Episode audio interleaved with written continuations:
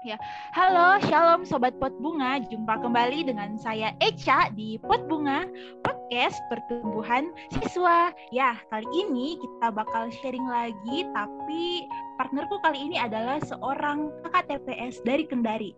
Ya, please welcome Kak Aden. Ya, halo Kak Aden. Hai Echa, hai. Ya, apa eh, kabar. Kak? Eh, puji Tuhan kabar baik. Eh, kalau Echa gimana Cak kabarnya? Puji Tuhan, sehat juga, baik. Kendari aman, Kendari aman. Aman aman aman. aman. Makassar? Jadi bisa mi orang ber ah sorry lagi di luar Makassar ini jadi nggak tahu. Oh. Oke oke. ya jadi Ayo. di podcast kali ini kita- ya jadi di podcast kali ini kita bakal bahas tentang musik. Ya kita kan sama-sama tahu kalau musik juga punya peran dalam suatu ibadah. Eh, tapi tidak sedikit juga orang yang memiliki pandangan yang pro dan kontra terhadap eh, suatu pujian, terhadap bagaimana tata cara orang dalam beribadah, bagaimana caranya orang menggunakan musik, dan bagaimana peran musik itu sebenarnya dalam eh, sebuah ibadah. Dan kita akan bahas ini bersama seorang kakak yang expert di bidangnya. Yuk Kak Aden, siapa ini narasumber tak hari ini? Ya narasumber eh, kali ini itu KT. Eh, biasa dipanggil Kaisra tapi lebih akrab dipanggil KT. Ya jadi s- jadi KT ini eh, pernah ya jadi staff di eh, Kendari. Ya staff mahasiswa. Dan saat ini juga eh, KT Wow. Ya, saat ini KT juga tuh melayani di salah satu jemaat di Games Ultra. Nah, tapi sebenarnya eh ya nggak fair ya kalau kalau kalau saya yang ini ya, saya yang perkenalan. Mending eh KT sendiri yang perkenalan supaya lebih jelas kan supaya Ya tidak ya salah. ya ya. Ya, oke. Ya betul Halo sekali. KT, Halo. bagaimana kabarnya selamat KT? Ya halo Kak Ete. Kabar baik. Terima kasih teman-teman ya sudah mengundang orang yang jauh. Wis. Tapi disatukan lewat online, lewat Zoom. Kalau sekarang tidak ada jarak lagi ya, mau dari mana pun bisa. ya. Oke, saya mau Ya. apa di sini? Mau perkenalan atau mau masak? Oke, boleh. Silahkan Kak Ete, boleh juga perkenalan singkatnya, memperkenalkan diri. Oke, eh, boleh nggak? Boleh masak kak? ya. Eh, nama saya Esrawan eh, Kiding, biasa dipanggil Esra, biasa Ete juga. Biasa papanya Joshua ya, karena anak saya yang pertama namanya Joshua, anak yang kedua namanya Gisel, eh, apalagi ya? Ya, Kesibukan, kesibukan sekarang kesibukan. eh, kalau mau bilang kesibukan juga nggak enak ya. Be- Kegiatan aja deh, ya. Oh ya, oke. Ya, kegiatan saya sekarang pelayanan di salah satu gereja di Kendari ya, gereja Jemaat Immanuel di Kendari. Nah, terus apa lagi? Ya saya eh, di bidang musiknya di situ. Terus juga pelayanan eh, di dalam apa? eh, PKB eh, Persekutuan Kaum Bapak, juga kadang-kadang di acara-acara kumpulan keluarga ya membawa firman Tuhan. Terus eh, latar belakang pendidikan mungkin ya. Ya. Saya dulu pernah kuliah di STIMIK di Panegara Makassar. Wah, anak IT pasti. Aduh sudah banyak lupa. Eh, terus setelah itu melalang buana di dunia persilatan. Wah, ya. Eh, kemudian tahun 2015 ya. Karena sebenarnya panggilan untuk jadi hamba Tuhan itu sudah lama, tapi saya larikan diri terus karena saya pikir saya tidak layak dan ya banyak alasan lah. Seperti waktu Musa dipanggil kan, Musa bilang jangan saya Tuhan kasih eh, Harun dan saya orang yang berat lidah dan apa semua. Eh, saya mungkin seperti itu juga dulu, tapi ketika Tuhan terus mengejar dan sampai 2015 saya eh, akhirnya menyerah dan eh, ke STT Bandung di Bandung di sana tiga tahun saya ambil MDiv kemudian selesai saya pulang 2018 dan sampai sekarang melayani di Kendari Eh, di Perkantas juga Makassar dulu saya pernah jadi pengurus PMK itu tahun berapa ya kalau nggak salah itu 99 sampai 2000 kalau nggak salah ya. Wah, karena belum lahir kak. Oh, belum lahir, aduh. Masih SD kak. luas, luas sekali berarti saya ya. ya sekitar itu kalau nggak salah. Ya. Jadi pengurus dulu namanya PMKU, eh, Persekutuan Mahasiswa Kristen Ujung Pandang. Kalau eh, PMK Kota lah kayak gitu. Ya, eh, mungkin itu saja teman-teman. Soalnya saya Oke. biasa kalau nggak ditahan perkenalan bisa satu jam. Oke deh, terima kasih ya Kak Eta. Nah, eh, karena kan kita bahas hari ini soal musik, eh, mungkin Kak Eta boleh ceritakan bagaimana awal mulanya Kak Eta sehingga bisa mendalami soal musik begitu.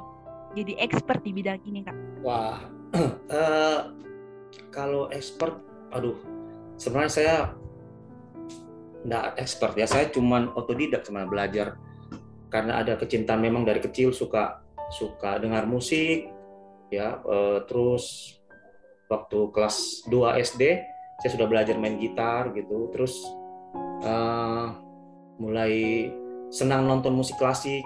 Kelas 6 SD saya suka musik klasik dulu acara TVRI itu ada ada namanya Simfoni Malam itu banyak kan TV di rumah itu masih monokrom ya hitam putih gitu saya suka nonton acaranya itu tiap saya lupa minggu malam kalau nggak salah ya sekitar jam setengah 10 malam saya masih kecil jadi sering dengar musik klasik dulu nah akhirnya eh, karena keseringan dengar musik klasik eh, musik gereja kan mengarah-ngarah ke situ kan Iya ya, himne. nah, klasik, himne-himne ya, kayak ya. gitu. Nah, saya jadi cocok gitu. Kemudian ya saya eh, inilah ada kerinduan untuk melayani di gereja, menjadi pemain musik itu mulai SMA kelas 1 kalau nggak salah. Ya sampai sekarang seperti itu. Oh, Iya, oke. di Perkantas juga Makassar eh, dulu juga jadi pemusik setiap ibadah ya. Ya yang senior-senior mungkin masih ingat lah. Ya. Gitu. Ya, mungkin itu aja. Oke kak, ya jadi gini kak Eta, kan katanya musik itu sifatnya universal, jadi eh, bisa dinikmati oleh setiap orang. Tapi yang membedakan musik rohani dengan musik duniawinya itu katanya adalah itu pesannya ditujukan ke siapa. Nah, kalau boleh tahu nih kak, bagaimana pandangannya kak Ete tentang musik gerejawi saat ini? Kan begitu besar pesat perkembangan lagu-lagu kontemporer dan lagu-lagu himne seperti Kidung Jemaat dan Mazmur, tapi eh, lagu-lagu tersebut eh, tidak semua gereja yang memakai kayak lagu kontemporer. Ada beberapa gereja atau denominasi gereja yang cuma pakai lagu-lagu himne, lagu-lagu Mazmur kayak gitu-gitu.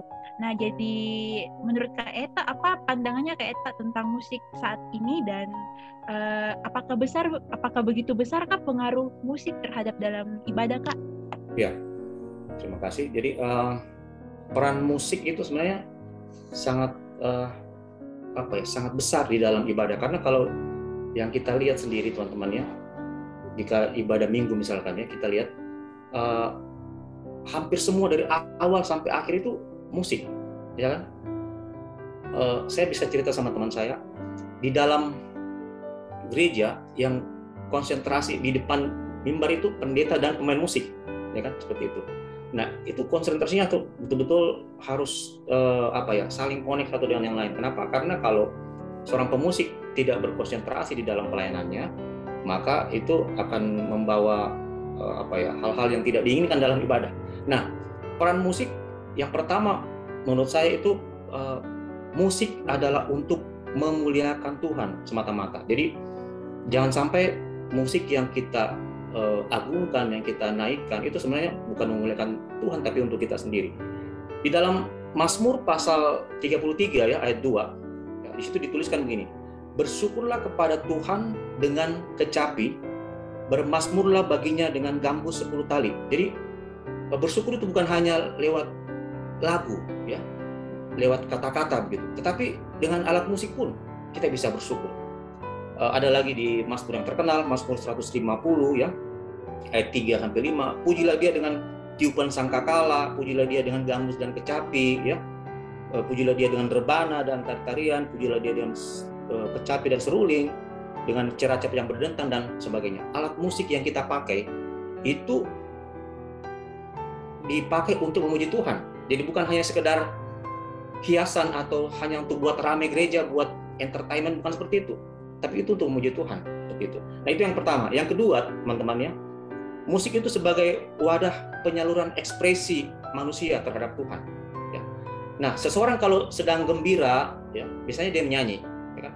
Tapi bukan hanya gembira saja, sedih pun kadang-kadang orang menyanyi, ya kan? Menyanyi dalam artian mengungkapkan suatu uh, perasaannya yang terdalam dengan uh, lagu atau pujian. Ya.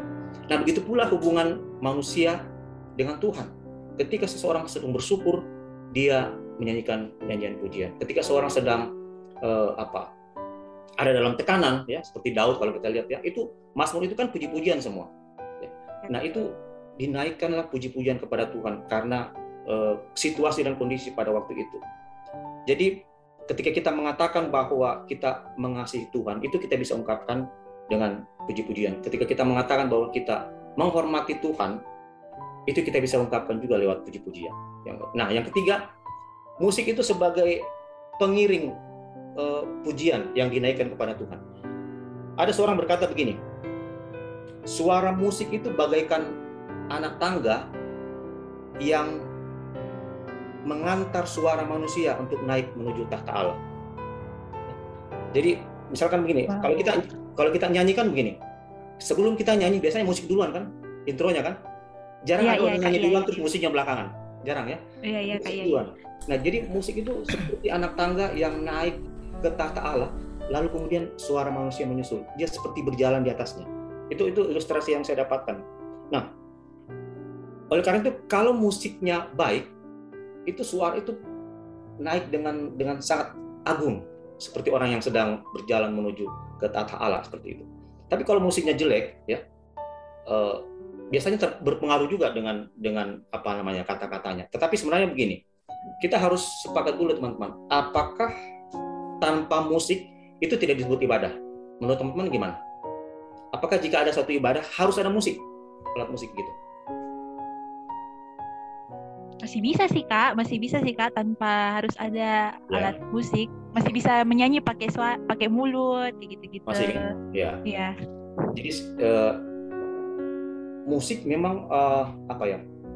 pelengkap untuk ibadah, tetapi bukan hanya sebagai pelengkap saja sebenarnya betul-betul punya peran juga ya. Nah, di dalam satu Tawarik 25 ayat 1, di situ dikatakan Raja Daud menunjuk orang-orang yang akan melayani sebagai penyanyi dan sebagai pemusik. Ya kita kenal Raja Daud ya. Raja Daud itu adalah seorang yang uh, expert di bidang musik ya.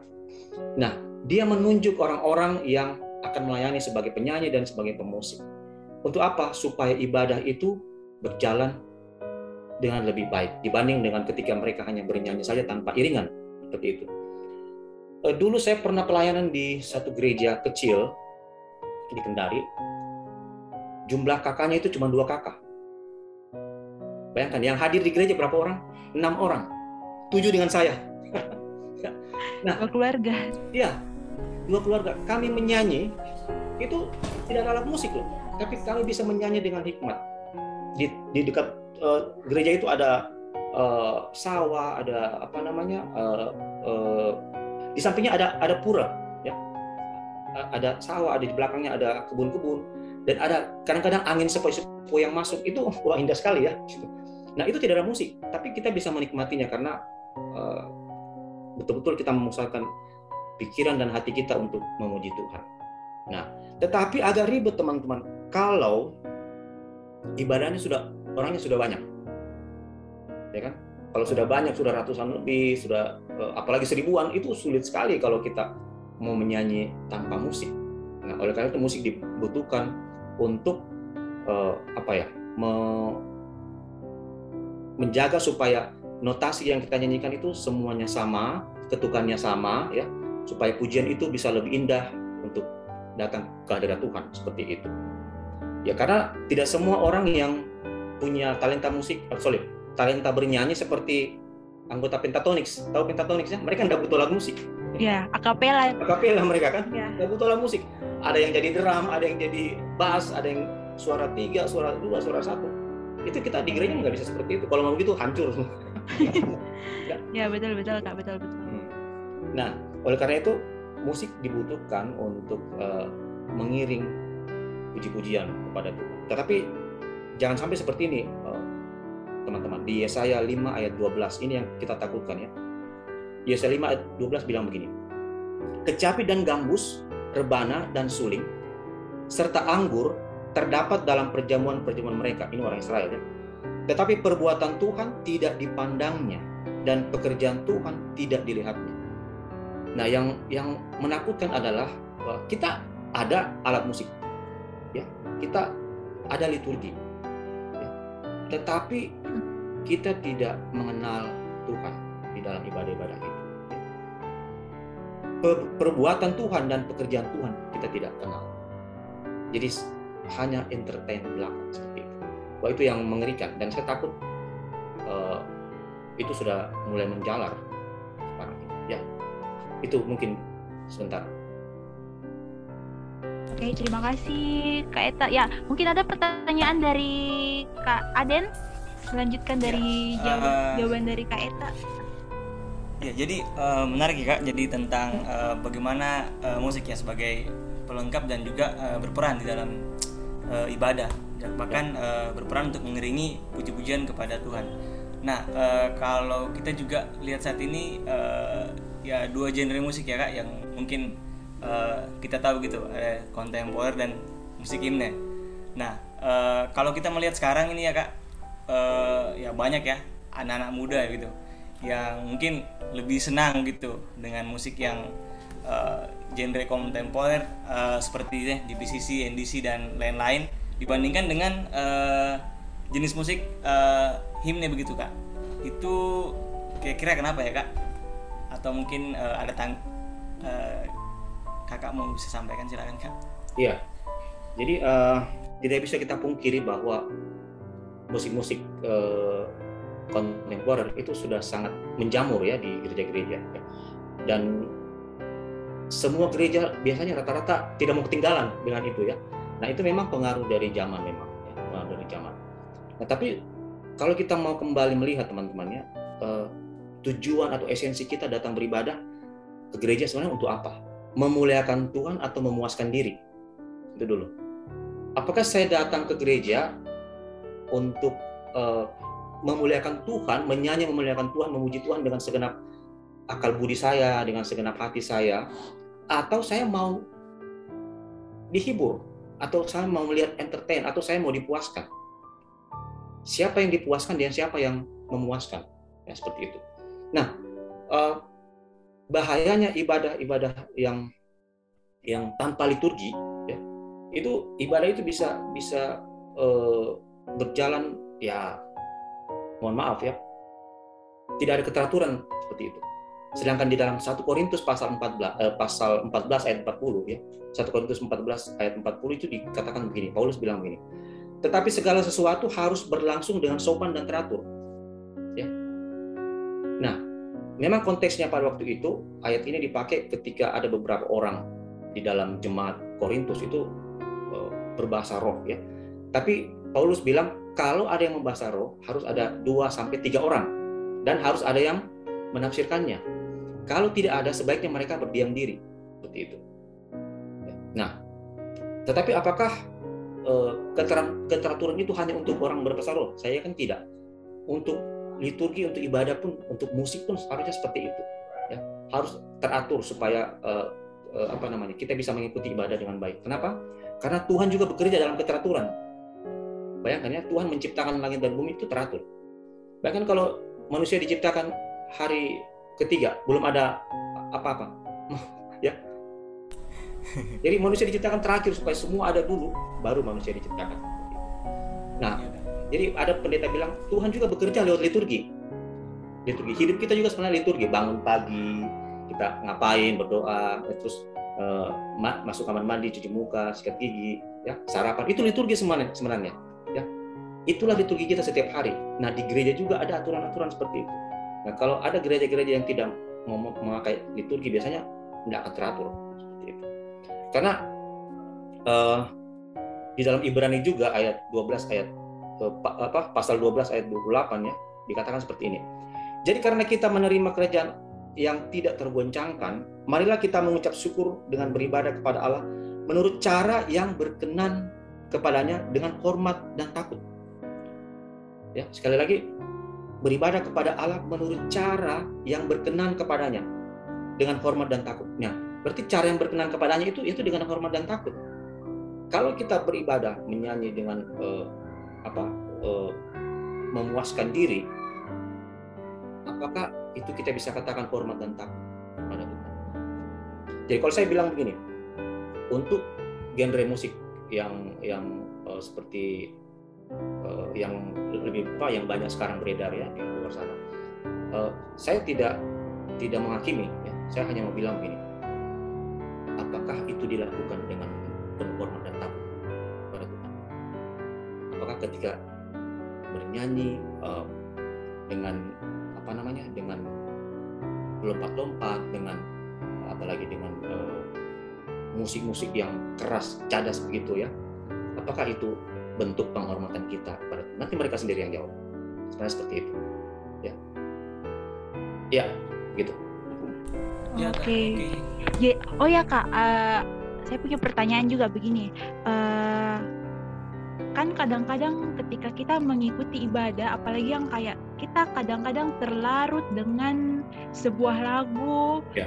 dan terbuai dengan sebuah lagu karena nadanya karena liriknya tapi ternyata uh, lirik tersebut sebenarnya tidak mencerminkan atau menyatakan bagaimana kita menyembah kepada uh, Tuhan Yesus nah kalau kita sebagai seorang pemimpin pujian atau sebagai pengiring pemimpin, pengiring pujian gitu kak uh, bagaimana kita bisa memilih uh, sebuah lagu-lagu yang layak untuk ibadah karena kadang-kadang uh, kita memang uh, secara tidak sadar terlarut dengan apa kata-katanya tapi kita tidak menyadari sebenarnya ada maksud lain-lain sebenarnya dari itu lagu ya. gitu kak Iya, uh, pertanyaan bagus ya. Jadi saya tidak tahu apakah uh, sekarang teman-teman di uh, pengurus TPS atau PMK di Makassar masih sering mengadakan bedah lagu seperti itu.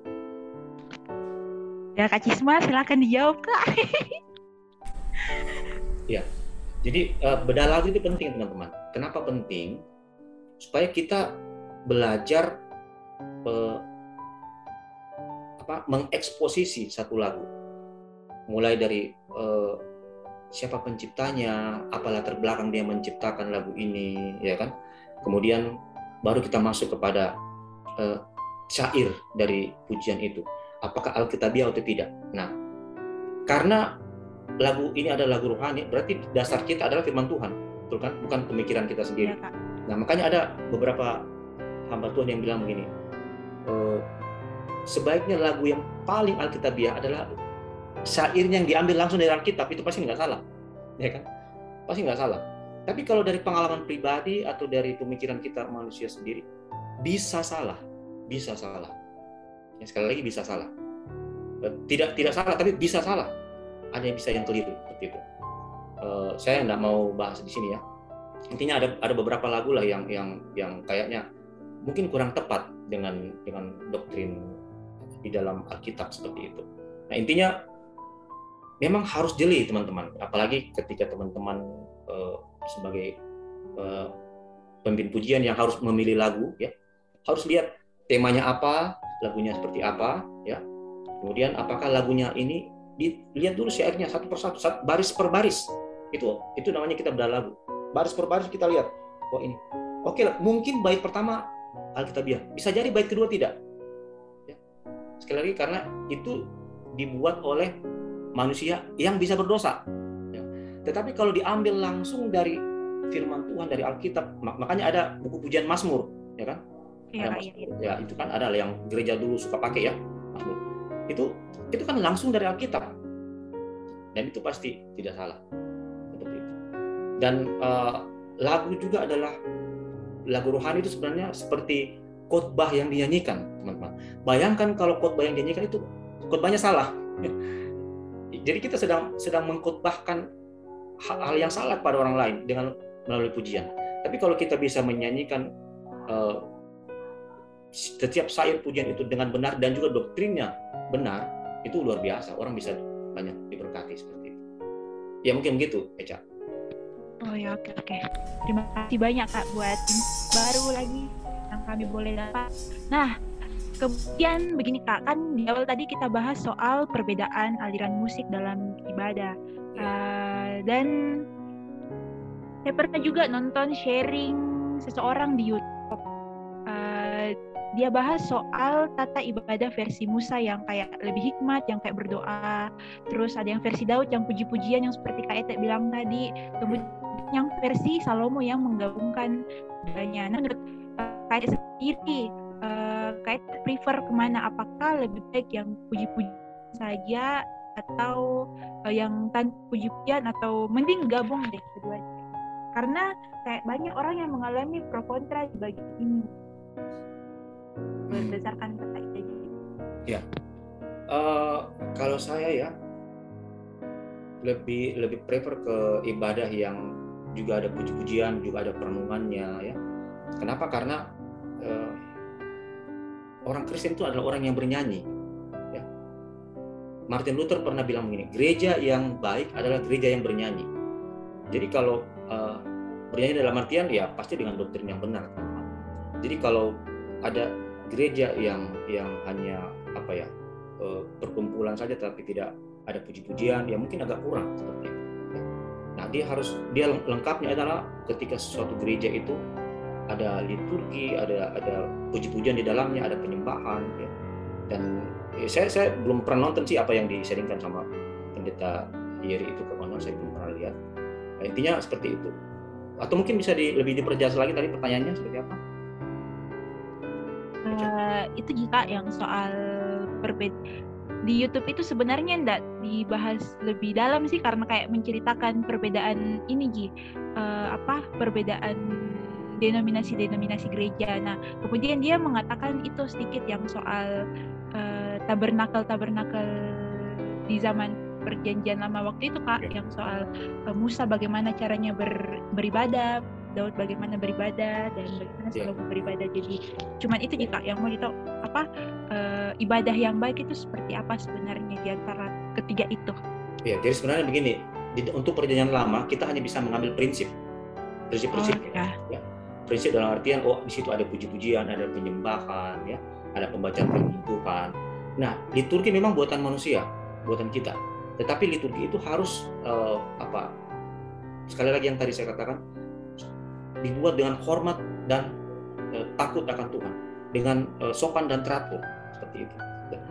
Dan uh, ini juga yang penting teman-teman ya.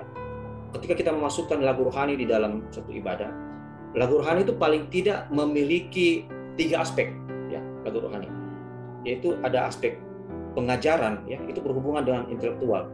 Jadi ketika kita mendengar satu lagu rohani, di situ di dalam lagu rohani itu harusnya ada aspek pengajaran, ada uh, pemberitaan firman Tuhan di situ. Oleh karena itu hati-hati ketika kita memilih lagu, kita harus pelajari lagunya supaya ketika kita menyanyi itu sedang ada uh, aspek pengajaran di dalamnya begitu. Kemudian yang kedua aspek keindahan ya. Karena ini berhubungan dengan uh, emosi dan juga kepuasan mus uh, musikal kita. Kita tidak bisa tidak bisa uh, apa ya membuang uh, apa sense musik kita ketika kita menyanyi. Tidak bisa ya. Nah ketika kita menyanyikan satu pujian kita pasti merindukan pujian ini dengan nada yang indah ya. Seperti ada satu lagu ya. Teman-teman saya tidak tahu apakah ini masih dinyanyikan. Ini salah satu lagu yang sangat baik yaitu judulnya Why Have You Chosen Me? Why Have You Chosen Me? Uh, nanti kalian cari. Lagu itu sangat dalam sekali maknanya. Dan nadanya bagus sekali ya uh, apa sangat indah sekali. Dan ketika orang menyanyi orang bisa menangis teman-teman. Dan biasanya ada orang yang malah begini lebih tersentuh ketika dengar lagu daripada dengar khotbah ya kan?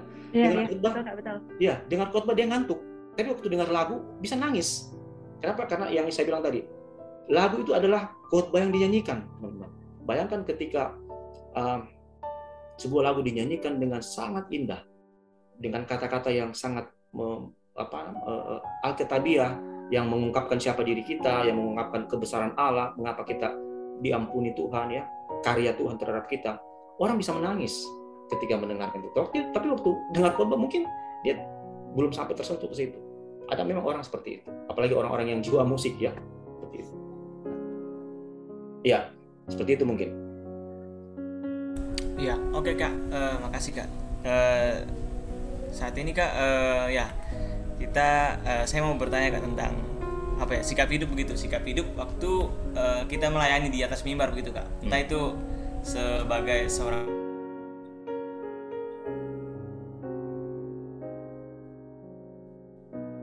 pemusik atau pemimpin pujian. Eh, ya, cek ya, sikap hidup waktu kita melayani atas mimbar dengan sikap hidup kita eh, sehari-hari. Nah, eh, kira-kira bagaimana pandangannya kakak ini atau eh, pendapatnya kakak tentang orang-orang yang mungkin suka melayani begitu lewat pimpin pujian atau eh, bermain musik, tapi ya itu sikap hidupnya eh, tidak sesuai dengan apa yang eh, ditampilkan begitu ketika ibadah. Jadi sikap hidup waktu eh, sikap waktu melayani di atas mimbar dengan sikap hidup waktu eh, kehidupan sehari-harinya itu tidak sejalan kak. Bagaimana kira-kira kak tanggapannya tentang hal itu? Itu berarti bunglon ya, Berubah-berubah. Seperti warna dua warna. Di gereja jadi malaikat, di luar jadi apa? Nah, kemudian begini, eh, ada satu eh, kritikan Yesus kepada orang-orang eh, Israel pada waktu itu ya, di dalam Matius 15 ayat 8. Yesus bilang begini, bangsa ini memuliakan aku dengan bibirnya, padahal hatinya jauh daripada aku. Wah, itu bayangkan kalau misalkan gini ya, saya saya ini cuma membayangkan aja teman-teman. Ketika kita lagi bernyanyi di atas mimbar ya, tiba-tiba Yesus datang. Kamu memuliakan aku dengan bibirmu, tetapi hatimu jauh daripada aku. Itu mengerikan sekali, teman. Ya.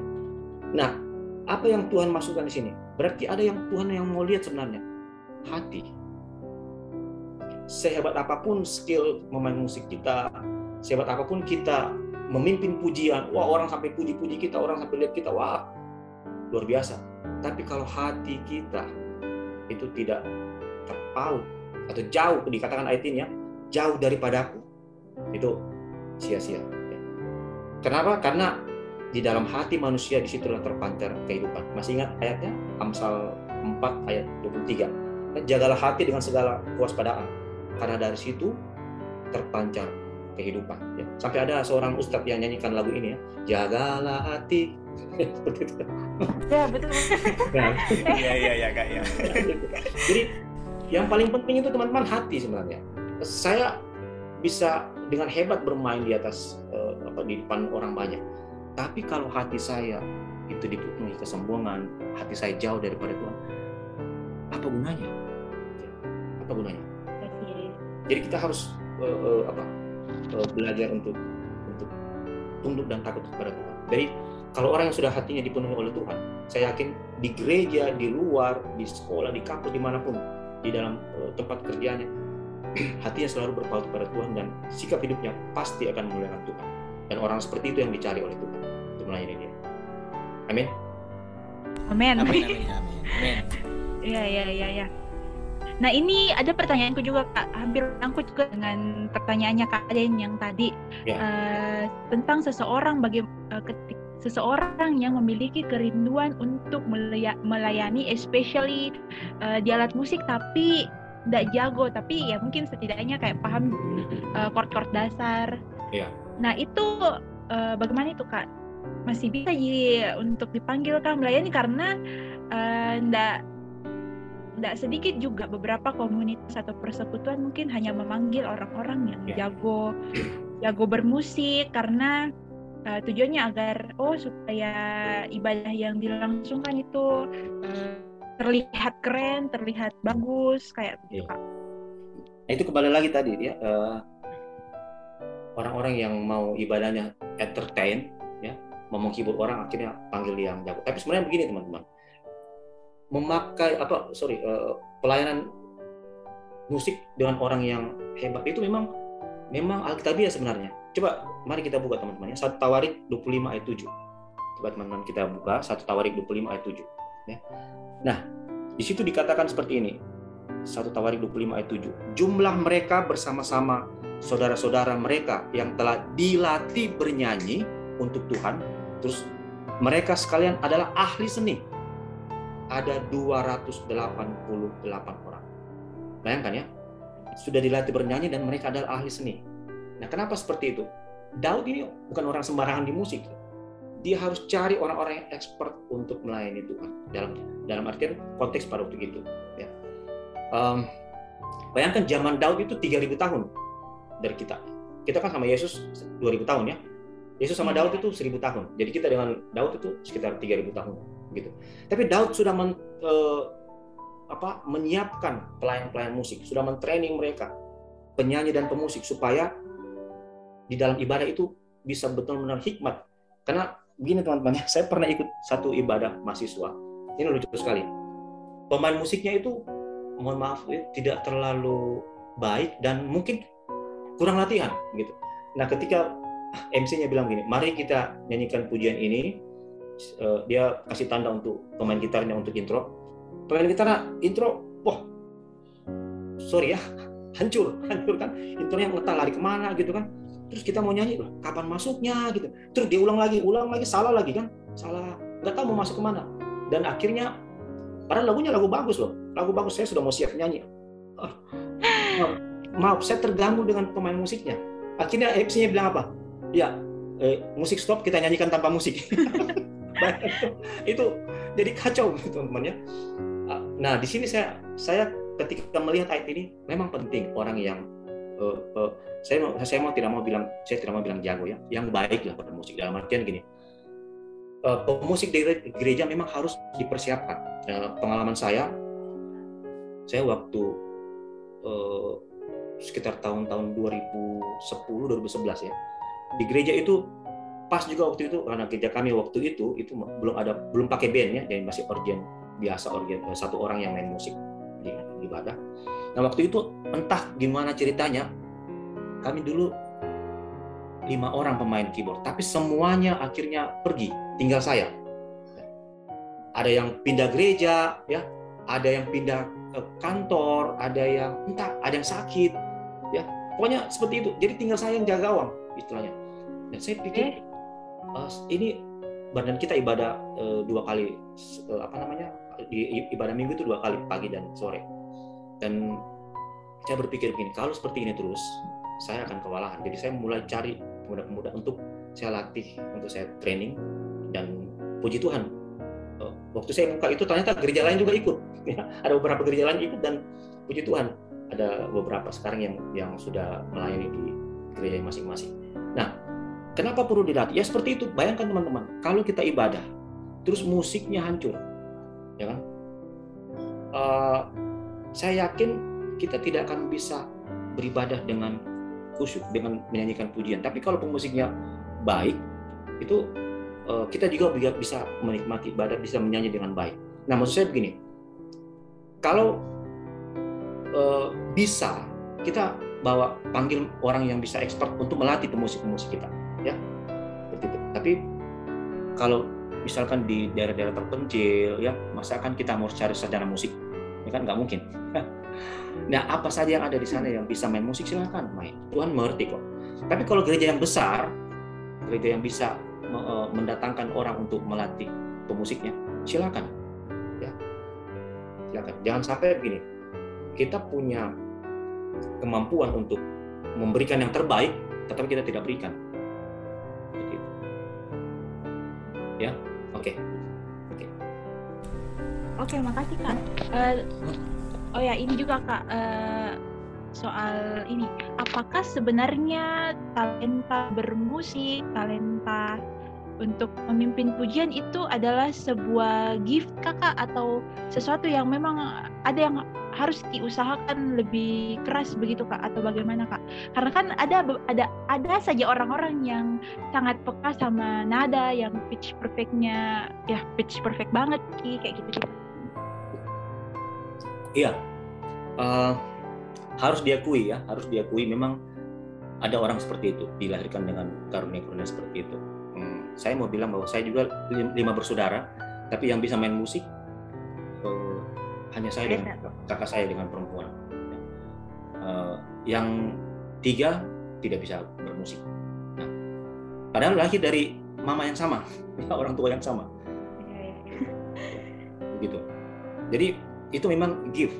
Tetapi uh, saya selalu bilang sama anak-anak saya, uh, bakat itu mirip-mirip pisau. Pisau dikasih pisau. Nah, kalau pisau itu kamu tidak asah terus latih, mungkin kau bisa pakai, tapi ya tidak tajam.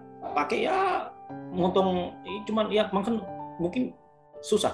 Tapi kalau pakai asah terus pisaunya itu, itu bisa jadi alat di tanganmu yang sangat luar biasa. Ya, apa pun bisa kamu tebas gitu dalam tanda kutip ya.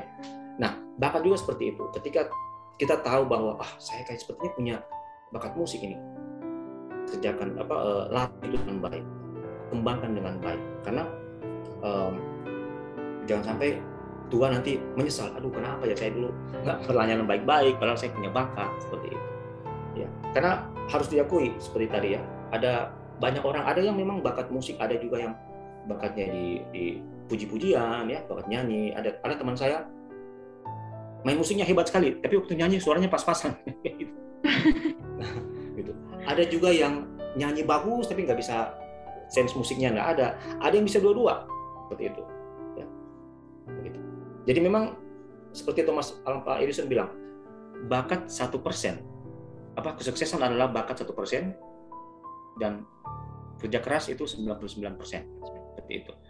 Bakat apa pun kita diberikan oleh Tuhan. Kalau kita tidak latih, kita tidak kembangkan, ya, ya sebegitu aja, nggak akan bisa berkembang. Iya sih kak. Uh, jadi ingat kak juga sama ibu-ibu di gereja kok. Ibu-ibu ini uh, akhirnya melayani main keyboard di usia 40-an ke atas. Dan hmm. kayak deh kerennya ini para ibu-ibu masih punya semangat buat melayani nah. dan mau mengembangkan uh, dirinya kayak gitu-gitu. Betul, betul ya. Saya malah pernah lihat satu gereja itu ibadah pagi papanya yang sudah rambut putih yang main. Ibadah kedua anaknya lagi yang main. Itu luar biasa. Ya. Jadi tua muda melayani Tuhan nggak ada batas sampai kita selesai baru kita sudah nggak bisa melayani lagi. Nah, seperti itu. Iya. Oke, Kak Den, mungkin ada pertanyaan lagi, Kak? Uh, ya, ada ada. jadi saya mau bertanya nih. Tadi saya mau tapi ini. Oke, jadi uh, ya ini masih menyangkut sih kak. Jadi memang benar ya jadi kalau kita melayani itu uh, entah itu bermain musik atau uh, pemimpin pujian ya pastinya harus persiapan dan benar nih kak. Ya, harus memang punya persiapan ya. Uh, tapi ya saya mau bertanya nih kak tentang uh, waktu mungkin kita sudah persiapan dengan baik bahkan dengan benar tapi kadang-kala biasa ada kesalahan begitu kak yang sering terjadi begitu yang dilakukan mungkin tanpa sengaja. Mungkin kayak salah satunya ya mungkin salah chord gitu salah kunci salah dasar. Atau mungkin ya salah masuk bait. Itu sering terjadi. Bahkan saya pun pernah begitu pak. Nah yeah. padahal sebelumnya sudah ini kan persiapkan diri dengan baik dan latihan dengan sungguh-sungguh. Nah tapi ini juga kadang-kadang jadi masalah begitu kak. E, karena mungkin dapat cibiran e, bahkan teguran gitu yang keras dari orang-orang. Mungkin yeah. ya teguran besar ya kak. Padahal ya mungkin masalah yang ya mungkin saja masih kecil begitu kak. Uh, dan ini juga kadang-kadang uh, menjadi apa ya masalah masalah buat yang melakukan kesalahan itu kak. Sehingga mungkin uh, jadi trauma. Mungkin akhirnya dia berhenti bermain musik atau pimpin pujian ya atau karena trauma yang dialami. Kira-kira bagaimana nih kak tanggapannya tentang hal ini Iya, uh, sebenarnya siapa pemusik yang tidak pernah salah? Semua pasti pernah salah ya. Saya juga pernah salah Nah, tetapi asal begini teman-teman, kesalahan itu tidak terjadi berulang-ulang seperti itu. Misalkan minggu ini salah, eh, misalkan gini, harusnya nada dasar C, oh dia main di G, oh itu ketinggian, ya kan? Ketinggian. Minggu ini ya, minggu depan main salah lagi, ya. dua minggu depan ya, main salah lagi. Nah itu harus di apa? Harus dipanggil untuk dilihat sungguh-sungguhnya dia konsentrasi. Pernah satu ketika saya ikut ibadah mahasiswa ya um, lagu apa tuh ya teman saya sedang MC sekarang dia uh, dia di di Papua. Teman saya ini salah lihat nada dasar. Orang orangnya hebat loh jago sekali. Jago main. Tapi dia salah lihat nada dasar. Dia main harusnya main di C dia main di G. Itu ketinggian sekali. MC-nya kaget kan terus dia nyanyi di tengah pujian dia harus hentikan uh, tolong diulang teman saya juga mau mau uh, berhenti kan nggak mungkin karena lagu sudah jalan akhirnya lagunya itu diulang seperti itu nah memang benar eh, kadang-kadang ada orang yang sampai mencibir seperti itu tapi apakah kita melayani Tuhan hanya uh, berdasarkan pandangan orang? Ya kan tidak, seperti itu. Uh, ketika kita membuat kesalahan ya harus kita akui. Oh ya, mohon maaf tadi saya salah, ya kan. Makanya di dalam ibadah harus ada evaluasi juga. Ya, kebetulan saya di gereja itu ketua tim musik, jadi saya yang uh, apa namanya mengatur jadwal ibadah, eh, bukan jadwal ibadah sorry, jadwal pemusik, kemudian jadwal uh, kantoria ya saya buat tiap bulan seperti itu. Dan saya untuk anak-anak yang baru, saya biasa tandem ke yang senior supaya mereka waktu latihan belajar di situ yang masih baru ya. Nah, terus kalau ada ibadah-ibadah online, ibadah rumah tangga online, yang baru saya saya kasih jam terbang di situ. Ya. Jadi saya bawa, saya uh, apa namanya masukkan mereka di jadwal situ. Dan ada beberapa orang yang baru dan mereka bersyukur kenapa? Karena ya sekali lagi memang musik itu kan butuh jam terbang juga, betul nggak? Ya, kan? ya betul betul kak betul. Kalau kita tidak latih, kalau kita tidak ada kesempatan itu akan sangat sulit sekali untuk kita bisa berkembang gitu. Jadi saya saya sengaja untuk me, me, me, apa namanya memberikan mereka kesempatan untuk melayani lebih lebih sering uh, di ibadah-ibadah keluarga di dalam di gereja kami. Yang masih baru itu melayani di situ. Kemudian kalau ibadah minggu kami tandem mereka dengan yang sudah senior seperti itu dan mereka bisa belajar di situ bisa belajar lebih baik lagi dengan ketukan baca dan sebagainya nah yang itu yang saya bilang tadi asal jangan tiap minggu salah terus salah terus itu itu nggak tahu ya seperti itu harusnya uh, saya nggak tahu kalau di gereja teman-teman ada yang hamba Tuhan khusus musik ya di beberapa gereja di Jawa saya lihat begitu jadi ada memang beberapa orang yang yang diberikan kuliah khusus bahkan sampai ke Singapura untuk menjadi sarjana musik dan mereka pulang. Kerennya. Ya, mereka yang mengatur ibadah itu. Jadi wow. ada beberapa orang mantap, di mantap. Singapura Bible College ada saja tamatan sarjana musik di sana. Mereka yang mengatur puji-pujian. Jadi pendetanya tidak bikin, tidak tidak susun lagu lagi. Mereka tinggal dikasih tema minggu ini. Hamba Tuhan musik itu yang buat semuanya. Lagu-lagunya apa, siapa musiknya, siapa singernya, latihannya kapan, seperti itu. Jadi pendeta tinggal khotbah, tidak buat itu lagi ya hmm, ya, ya keren keren kan ya ya jadi mungkin saya teringat lagi kak. Mungkin uh, kesalahan-kesalahan itu mungkin ya yang biasa terjadi sama orang-orang yang pro sih kalau saya ini apa melihatnya begitu. Mungkin karena ada ini, orang yang pro. Enggak. Enggak lah. Saya masih di bawah. Mungkin karena ini ya kak faktornya. Mungkin karena terlalu menganggap remeh ya lagu itu. Mungkin karena sudah Bisa biasa jadi. didengar ya, ya. makanya ya makanya Banyak, biasa orang ya uh, teman-teman saya saya ingat pertama kali saya main di acara perkantas itu kalau saya tidak salah itu pasca atau ulang tahun ya saya lupa. Itu tahun sekitar tahun 98 atau 99 saya lupa. Main keyboard ya keyboard. Organ tung organ tunggal. Nah itu di gereja Kibait waktu itu di Latimojong wah itu benar-benar bayangkan teman-teman ya karena itu pengalaman pertama setiap lagu saya berdoa tiap lagu Tuhan tolong saya Tuhan tolong saya. Dan harusnya memang seperti itu sampai sekarang harusnya seperti itu. Setiap lagu kenapa? Karena ketika kita uh, merasa bahwa wah saya sudah bisa ini dan kita mulai membanggakan diri ya kan? Kita jadi lepas dengan Tuhan kita tidak bergantung lagi dengan Tuhan. Jadi saya uh, ya dalam kesempatan ini saya juga menghimbau untuk setiap pemusik bisa nggak setiap lagu berdoa dulu?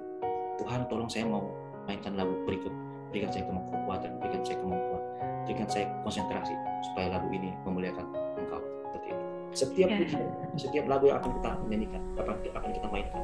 Intronya saja ketika orang dengar itu bisa langsung nusuk. Masuk ke dalam artian ini ya langsung masuk ke hatinya seperti itu. Apalagi itu, itu, itu, itu belum dinyanyikan loh baru intro aja. Intro orang sudah aduh apalagi sudah masuk dengan saya. Bisa-bisa nangis dia. Itu. Iya ya, kak. hmm, jadi Tapi, poinnya Ya, ya, boleh. Ya, Oke, oke, Kaden. Ya, Kaden, Kaden mungkin silahkan. Oh iya, iya. Ya. ya, jadi poinnya mungkin ini kayak uh, setiap mungkin mau uh, melayani di ini uh, jadi pemusik mungkin memang harus terlebih ini ya harus persiapan dengan sungguh-sungguh ya kak meskipun ya. mungkin jam terbang seseorang itu Betul. sangat tinggi ya mungkin setiap hari kami, minggu ya ya, ya, Pak. ya kak. kami di gereja itu uh, malam ini jadwal latihan sekitar jam 5 sampai jam 7 ya siapa pun dia kalau tidak latihan itu nggak boleh pelayanan besok. Sekalipun ada namanya. Jadi kami ada grup jadi uh, siapa yang tidak ber, apa siapa yang uh, berhalangan silakan cari gantinya. Dan latihannya jam 5 sampai jam 7 yang tidak datang nggak boleh pelayanan besok. Itu masuk song leadernya toh kak? Kenapa? Termasuk yang singersnya juga toh kak? Iya iya. Termasuk yang singer iya karena pengalaman juga pernah uh, pengalaman pribadi ini juga kak pernah di posisi itu. Sudah main dengan lagu yang benar tapi ternyata singersnya yang kayak salah masuk. Tapi ujung-ujungnya nah. yang akan disalahkan adalah musiknya. Ya itu dia. Jadi sebenarnya begini latihan itu bukan hanya sekedar cari cari nada dasar. Banyak yang seperti begitu ya cuma cari nada dasar doang. Sebenarnya latihan itu kita ada chemistry di situ. Kita bisa menghayati lagunya kita bisa uh, apa namanya bisa uh, melihat bahwa oh lagu ini ketika dibawakan dia genrenya seperti apa ya kan? Dia bukan hanya kayak orang mau buru-buru pulang ya. Nada dasar apa? Main di mana? Oh ya sudah ya, ya dia cuma intronya dikit sudah ya oke kayak seperti itu waduh itu. Jago jago jago. Tidak seperti itu. Harus lagunya harus dinyanyikan perulangannya gimana kemudian uh, yang paling penting itu tadi nada dasarnya dan bagaimana singers itu menginterpretasi lagu itu supaya ketika singer kan yang menuntun ya kan? Yang penuntun ya. jemaat untuk nyanyi ya, bayangkan kalau mereka yang salah. Itu itu akan saya, saya pernah uh, ada seorang ibu yang yang bagus juga baca not di dalam uh, jemaat kami. Uh, waktu itu bukan saya yang ini sih yang yang ini ya yang pas lagi pelayanan. Dia cuma bilang karena mereka kan tahu saya yang ininya dia bilang Pak tolong waktu singernya nyanyi lagu ini itu notnya kayaknya salah oh ya bu terima kasih bu kalau ada lain kali tulis aja bu nanti saya akan ini ke teman-teman nah seperti itu kita harus terima juga masukan dari orang-orang karena e, bisa jadi biasanya gini ada not-not yang tersembunyi yang mungkin sudah sekian lama kita nyanyikan ternyata notnya tidak seperti itu Nah inilah bagusnya kalau kita punya buku pujian. Nah kalau oh gitu ya kak. Uh, maaf ya. maaf potong. Jadi ya, jadi uh, misalkan kalau kita punya buku pujian kan kita nyanyi dengan teratur karena apa? Karena ada notnya. Not itu yang menuntun kita. Tapi kalau uh, lagunya tidak ada notnya gitu ya kita enggak orang bebas mau nyanyi gimana ada yang muter-muter kiri kanan ya kan kita mau ikut yang mana bingung gitu ya itu pentingnya kalau ada note sih sebenarnya uh, tentang note uh, pernah kak juga dapati beberapa buku pujian atau kidung ya. jemaat atau sejenisnya hmm. itu uh, beda ki nah. notnya notnya antara buku yang ini sama buku Betul. yang ini atau yang sudah terupgrade nah itu kadang-kadang yang kadang kayak Betul. jadi miss begitu kak nah Betul. itu pernah enggak kak Ete juga mengalami belum lama malah jadi begini, uh, memang kita harus selalu update buku terbaru, ya. Kebetulan saya punya teman di Yamuger, ya. Uh, kami biasa diskusi. Dia bilang, ya namanya juga manusia, ya. Buku-buku yang lama itu kadang-kadang ada notnya, ada yang la la biasa, tapi tapi uh, dikasih titik di bawahnya, jadi la rendah seperti itu. Nah, uh, untuk mengakalinya memang harus beli buku yang terbaru. Pemusik setiap setiap ada buku baru muncul harus beli. Kenapa? Karena bisa saja itu kan revisi terus ya. Bisa saja uh, lagu yang ini, aduh saya lupa lagu apa baru-baru ya. Itu di dalam buku yang lama itu lah rendah. Eh, sorry, lah, lah tinggi. Tapi di buku lama sebenarnya lah rendah. Tidak ada titiknya, gitu. Jadi, jadi mereka nyanyikan lah tinggi. Harusnya la yang rendah. Nah memang harus uh, selalu begini. Kalau misalkan teman-teman dapat ya, dapat satu buku seperti ini, satu yang begini ya, lagu sama tapi beda not, tinggal lihat cetakannya. Cetakan tahun berapa? Biasanya yang lebih baru itu yang lebih lebih lebih apa namanya lebih benar. Dan kalau masih ragu, bandingkan lagi cek di internet bagaimana eh, apa orang nyanyikan lagu ini atau paling bagus kan biasa kan kalau uh, kalau macam kita lagu himne ya itu kan biasanya ada judul bahasa Inggrisnya kan? Nah cek di situ. Cari lagu bahasa Inggrisnya. Cari di internet. Notnya gimana sih ini? Gampang kok sekarang. Sudah sudah zaman zaman apa uh, digital. Kita bisa cepat cari. Segala sesuatunya mudah untuk jadi memang jadi pemusik itu harus ini ya kak selalu juga upgrade bahannya.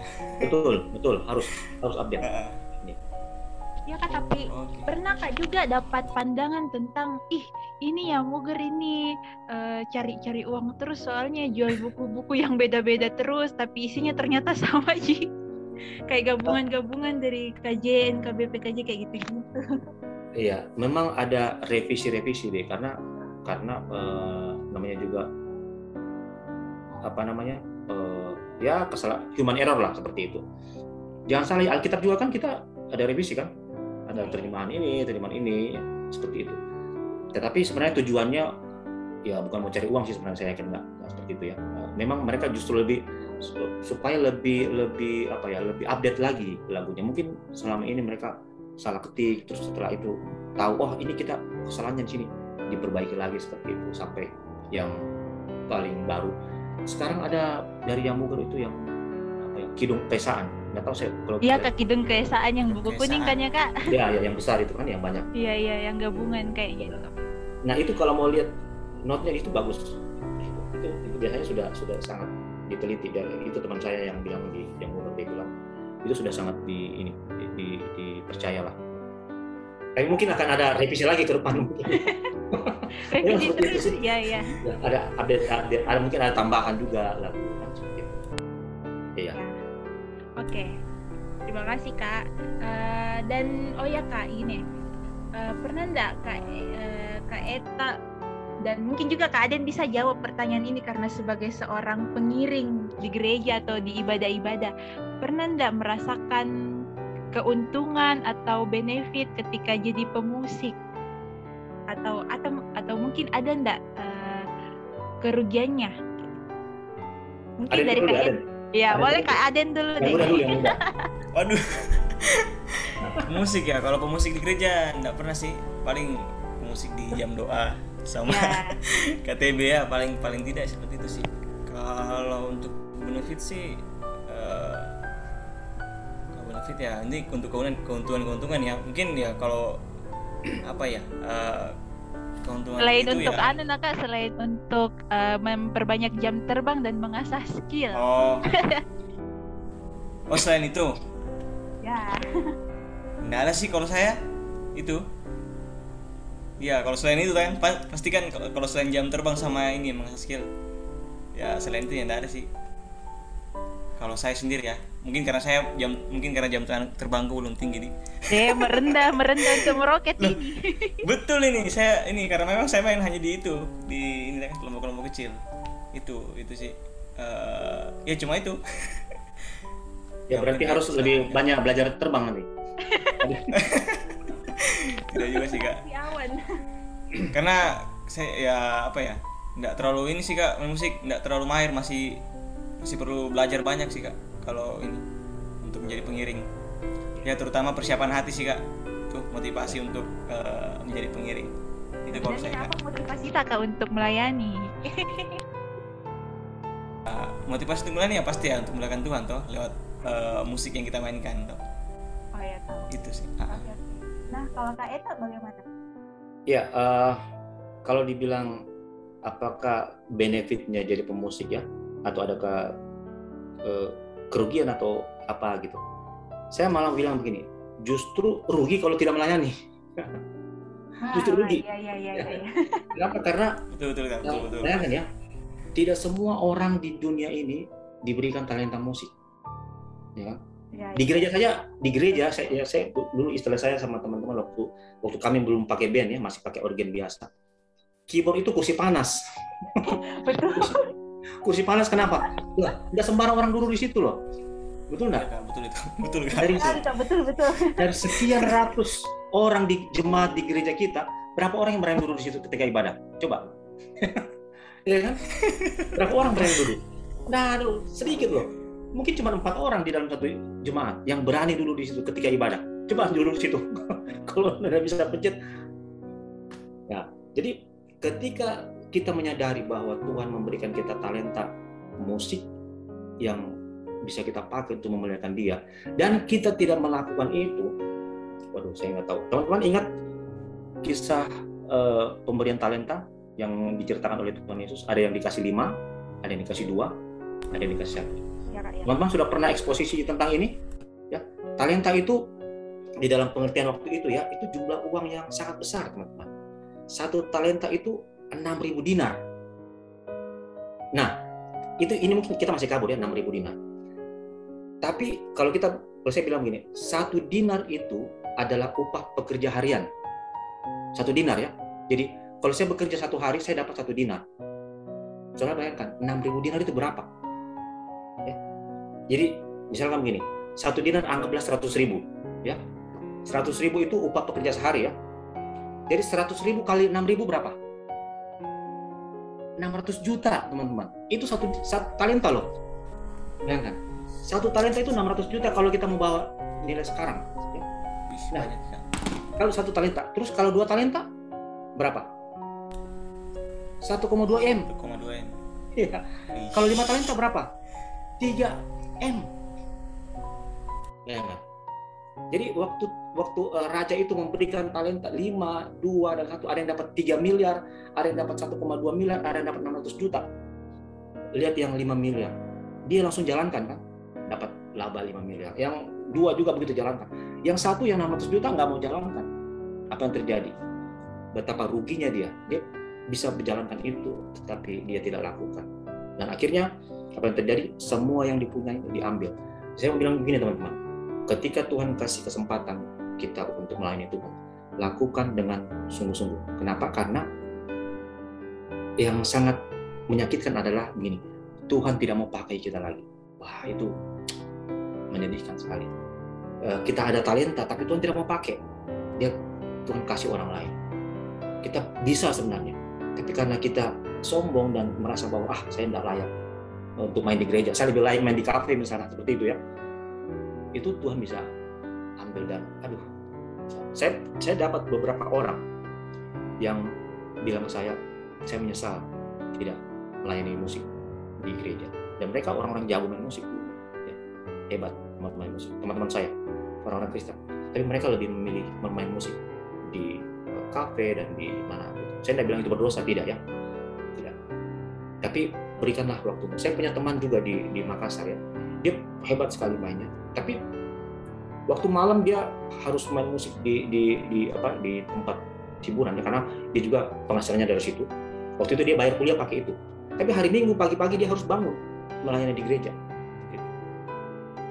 Dia kerjakan itu. Mudah-mudahan sampai sekarang ya karena saya sudah lama nggak ketemu dia. Waktu itu kami masih kuliah sama-sama dan dia lakukan itu. Masih kuliah main musik di di, di tempat hiburan. Kemudian hari minggunya dia pelayanan di gereja. Ya seperti itu. Ya saya hanya bilang sama dia ya yang penting jaga hati ya jangan sampai uh, masih oleng-oleng main di Nggak gereja. sampai terbawa arus juga. nah itu lagi. Ya itu bahaya. gitu kan? Seperti itu. Tapi sebenarnya ya kalau memang mau full time di gereja memang harus eh, ya pelan-pelan harus tinggalkan. Seperti itu. Dan dan gereja juga harus memang berani eh, apa meng-hire maksudnya me- me- me- me- apa ya menggaji orang membayar orang atau me- me- apa mempekerjakan seorang pemusik gereja supaya dia bisa eh, apa full di situ Iya, fokus kayak. ada beberapa gereja juga ya yang seperti itu. Jadi mereka uh, apa, me- menghidupi pemain musiknya sama dengan gaji, mau mirip-mirip dengan gaji pendeta gitu. Jadi apa pun yang yang dibutuhkan itu dia dia, sudah seperti pegawai di gereja gitu, pelayan di gereja. Gitu. Dan itu jadi pekerjaannya pemain musik di gereja. Gitu. Walaupun dia bukan sekolah teologi, tetapi tiap bulan dia ada dapat apa eh, ini ya, pemberian dari gereja seperti itu. supaya dia bisa fokus tidak pergi main musik di luar. Gitu. Ya, jadi rugi teman-teman ya. Saya bukan malah apa apa ruginya, justru rugi kalau tidak melayani. Seperti itu. Iya, Ya, karena- betul sekali tuh Kak. Dan semua Betul juga sekali, orang punya karunia buat melayani Ya. kayak gitu. buat. Betul. Ya semua. Ya. Eh, saya mau cerita satu waktu udah agak lama sih. Saya main eh, setelah ibadah minggu ya, saya masih main-main sedikit di di keyboard ya. Waktu itu masih organ tunggal ya. Seorang bapak datang, datang ke saya dan dia berdiri dan agak termenung melihat saya main kan. Lalu kemudian saya tanya, selamat hari minggu om. Ya, saya lihat om ada pikiran, kenapa om? Dia bilang gini, iya saya ingat uh, anak-anak saya di rumah itu ada beberapa yang bisa main musik tetapi tidak ada yang mau pelayanan di gereja. Saya tidak bisa ngomong apa-apa, saya diam aja gitu, mencoba apa merasakan apa yang dia rasakan. Bayangkan teman-teman betapa betapa uh, sedihnya orang tua yang melihat anaknya sebenarnya bisa melayani, tetapi si anak tidak tergerak untuk pergi melayani di gereja. Dan di situ waktu itu saya dengar itu saya uh, apa ya dalam hati saya bilang aduh Tuhan uh, semoga mereka ini bisa ini ya bisa terpanggil juga. Saya sempat hubungi tapi memang tidak ada minat mereka. Dan bersyukurlah ketika Tuhan kasih uh, kerinduan untuk kita, mari kita kerjakan itu dengan sungguh-sungguh. Ya. Iya kak.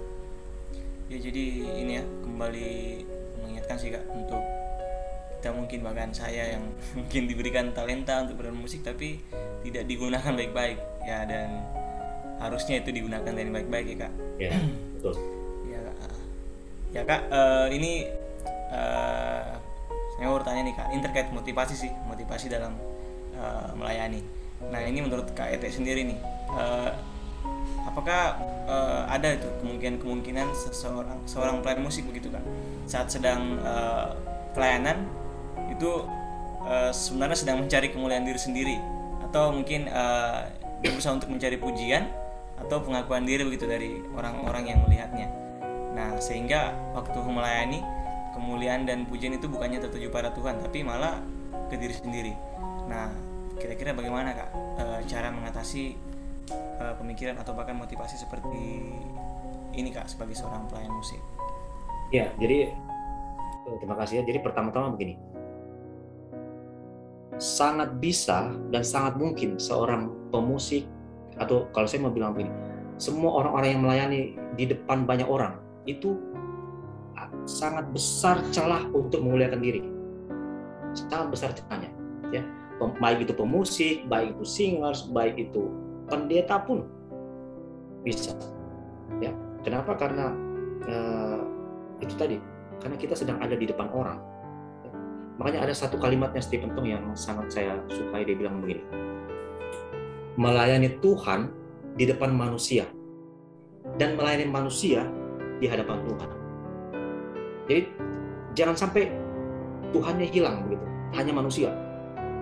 Dan ketika kita bermain musik, ketika kita uh, memberikan beritakan firman Tuhan, uh, ada yang pernah bilang begini, dia seakan-akan melihat ada Tuhan di situ, gitu.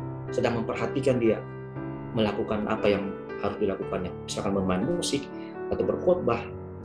Uh, satu, satu pendeta bilang begini, waktu dia akan naik mimbar dia selalu bilang begini, Tuhan tolong naiklah di mimbar bersamaku. Bilang gitu. Saya tidak mau naik kalau Tuhan tidak mau sama-sama dengan saya. Nah sama dengan kalau kita main musik Tuhan tolong uh, jaga saya supaya saya tidak jatuh. Jadi sebenarnya begini teman-teman. Um, ada satu orang yang bilang begini. Kita harus menyadari bahwa ketika kita diberikan kesempatan oleh Tuhan untuk melayaninya itu adalah saat yang sangat indah, sangat penting sekali dalam hidup kita. Karena sekali lagi kita tidak tahu ke depan apa yang terjadi dalam hidup kita, kita tidak tahu. Bayangkan kalau hari itu kita melayani dengan dengan kesombongan, dengan terus tiba-tiba beberapa waktu kemudian kita harus ketemu Tuhan. Itu betul-betul uh, uh, apa ya? Endingnya nggak bagus begitu. Nah, oleh karena itu setiap pelayanan beberapa pendeta bilang begini, Justru setiap pelayanan itu anggaplah seperti pelayanan yang terakhir. Waktu kamu lakukan itu, itu mungkin mungkin saja pelayanan yang terakhir. Berikan yang terbaik begitu. Di dalam 2 Korintus 3 ayat 5 itu ayat yang sangat menguatkan saya juga ya. 2 Korintus 3 ayat 5 bilang begini. Dengan diri kami sendiri, kami tidak sanggup untuk memperhitungkan sesuatu seolah-olah pekerjaan kami sendiri. Tidak, kesanggupan kami adalah pekerjaan Allah. Jadi saya sanggup bermain musik, saya sanggup memberitakan firman Tuhan, saya sanggup jadi MC, saya sanggup jadi apa lagi, singers dan sebagainya. Itu sebenarnya pekerjaan Allah. Kesanggupan yang Tuhan berikan kepada kita itu kemampuan dari Tuhan semua. Ya kita ini siapa? Sama seperti di Lukas pasal berapa ya? 10 ya. Tuhan bilang, kalau kamu sudah melakukan pekerjaanmu, katakan kami adalah hamba-hamba yang tidak berguna. Dalam arti apa? Kalau bukan Tuhan, we are nothing. Kita tidak ada apa-apanya. Jadi orang yang menyadari itu seperti di dalam 2 Korintus 4 ayat 1 dikatakan begini, oleh kemurahan Allah kami telah menerima pelayanan ini. Oleh karena itu kami tidak tawar hati. Jadi kita melayani Tuhan karena kemurahan Allah. Baik kan teman-teman ya? Yang saya bilang tadi ya, dari ratusan orang di jemaat yang lagi duduk itu, cuma berapa orang yang berdiri, eh, sorry, yang berani duduk di kursi keyboard, ya kan? Itu kemurahan Allah loh. Tuhan bisa kasih ke orang lain, tapi kok kamu dikasih? Kenapa kamu dikasih? Karena kemurahan, karena dia mau. Bisa enggak Tuhan ambil itu? Sangat bisa. Sangat bisa kalau Tuhan mau. Ya. Oleh karena itu ketika kita menyadari bahwa ah ini betul-betul kemurahan Allah, lakukan dengan sungguh-sungguh, dengan ucapan syukur bahwa eh, apa semua yang talenta yang Tuhan berikan kepada saya yang besar ini, jangan bilang talenta kecil ya. Tadi ingat ya talenta itu itu besar loh. Ya. ya Satu pun itu 600 juta teman-teman. gitu. Jangan pernah bilang itu kecil. Apa pun yang Tuhan berikan, saya mau berikan yang terbaik, mengembalikan itu kepada Tuhan bagi kemuliaan Allah. Seperti itu. Jadi ketika kita uh, merasa apa uh, terbawa ingin memuliakan diri, langsung ingat, wah saya ini melayani Tuhan karena kemurahan Tuhan. Saya bukan siapa-siapa. Cepat langsung uh, sadar seperti itu. Karena memang apalagi kalau sudah dipuji ya wah bagus sekali ya mainnya. Wah nih wow sudah terbang Melayang. melewati terbang melewati langit. Mulai. Langsung katakan ya aku saya, kami adalah hamba-hamba yang tidak berguna. Itu Tuhan yang kasih semua. Ya. Tuhan yang kasih Tuhan yang memberikan kita hanya melakukan yang bisa kita lakukan. Seperti itu. Teman-teman jadi dari Tuhan untuk Tuhan oleh Tuhan ya bagi dialah segala kemuliaan ya kan? jadi kalau kita ketika mengalami masa-masa dipuji-puji harus kita kembali ingat apa motivasi betul. kita melayani kepada betul. siapa betul, betul. nah terakhir nih kak pesan buat teman-teman atau adik-adik yang sering melayani atau bahkan baru mau memulai baru mau memulai pelayanan dalam ibadah khususnya yang di depan layar juga pertama begini, uh, ingatlah bahwa tidak semua Tuhan panggil untuk melayani Dia. Ya. Ketika kita menyadari bahwa Tuhan memakai kita untuk melayani Dia, lakukan itu dengan sungguh-sungguh dan uh, ucapan syukur kita adalah dengan melayani Tuhan dengan sungguh-sungguh. Ketika kita menyadari bahwa Tuhan memakai kita di antara begitu banyak orang, Tuhan memilih kita untuk melayani Dia. Itu anugerah jadi jangan sampai ketika kita dipakai Tuhan kita lupa diri. Wah saya hebat, saya begini, saya begini. Atau mungkin kita takut. Aduh Tuhan saya takut. Sekali lagi ayat Korintus tadi bilang apa? Pekerjaan kami adalah kekuatan-kekuatan dari Allah. Seperti itu. Jangan pernah merasa bahwa aduh Tuhan saya ini masih sedikit. Saya tanam saja deh. Timbun saja talenta saya. Seperti itu ya. Seperti yang punya talenta satu. Oh enggak seperti itu. Harus jalankan. Walaupun mungkin kamu bilang itu cuma satu jadi intinya ketika kamu sadar dipakai Tuhan, ya, lakukan dengan sungguh-sungguh, ucap syukur sama Tuhan dan uh, layani Dia dengan sepenuh hati, memuliakan Dia dengan segala sikap hidup, bukan hanya di depan altar, bukan di depan keyboard, bukan hanya di depan mimbar atau di mana pun, tapi di dalam seluruh kehidupan kita. Supaya Tuhan dimuliakan bukan hanya ketika kita memelayani Dia, tetapi di dalam seluruh hidup kita. Seperti itu kayak lagunya siapa yang hidup ini adalah kesempatan nah, harus ya. pakai hidup kita ya. baik untuk kemuliaan Ya, demikianlah podcast kita kali ini. Semoga teman-teman yang mendengarkan semakin terberkati juga. Uh, terima kasih juga buat Kak Eta yang boleh sharing di podcast kali ini. Ya, semoga Kak Eta terus terberkati dan menjadi berkat juga buat uh, orang lain di gereja maupun di mana pun. Ya, oke, okay, see you guys di podcast selanjutnya. Dadah. God bless. God bless.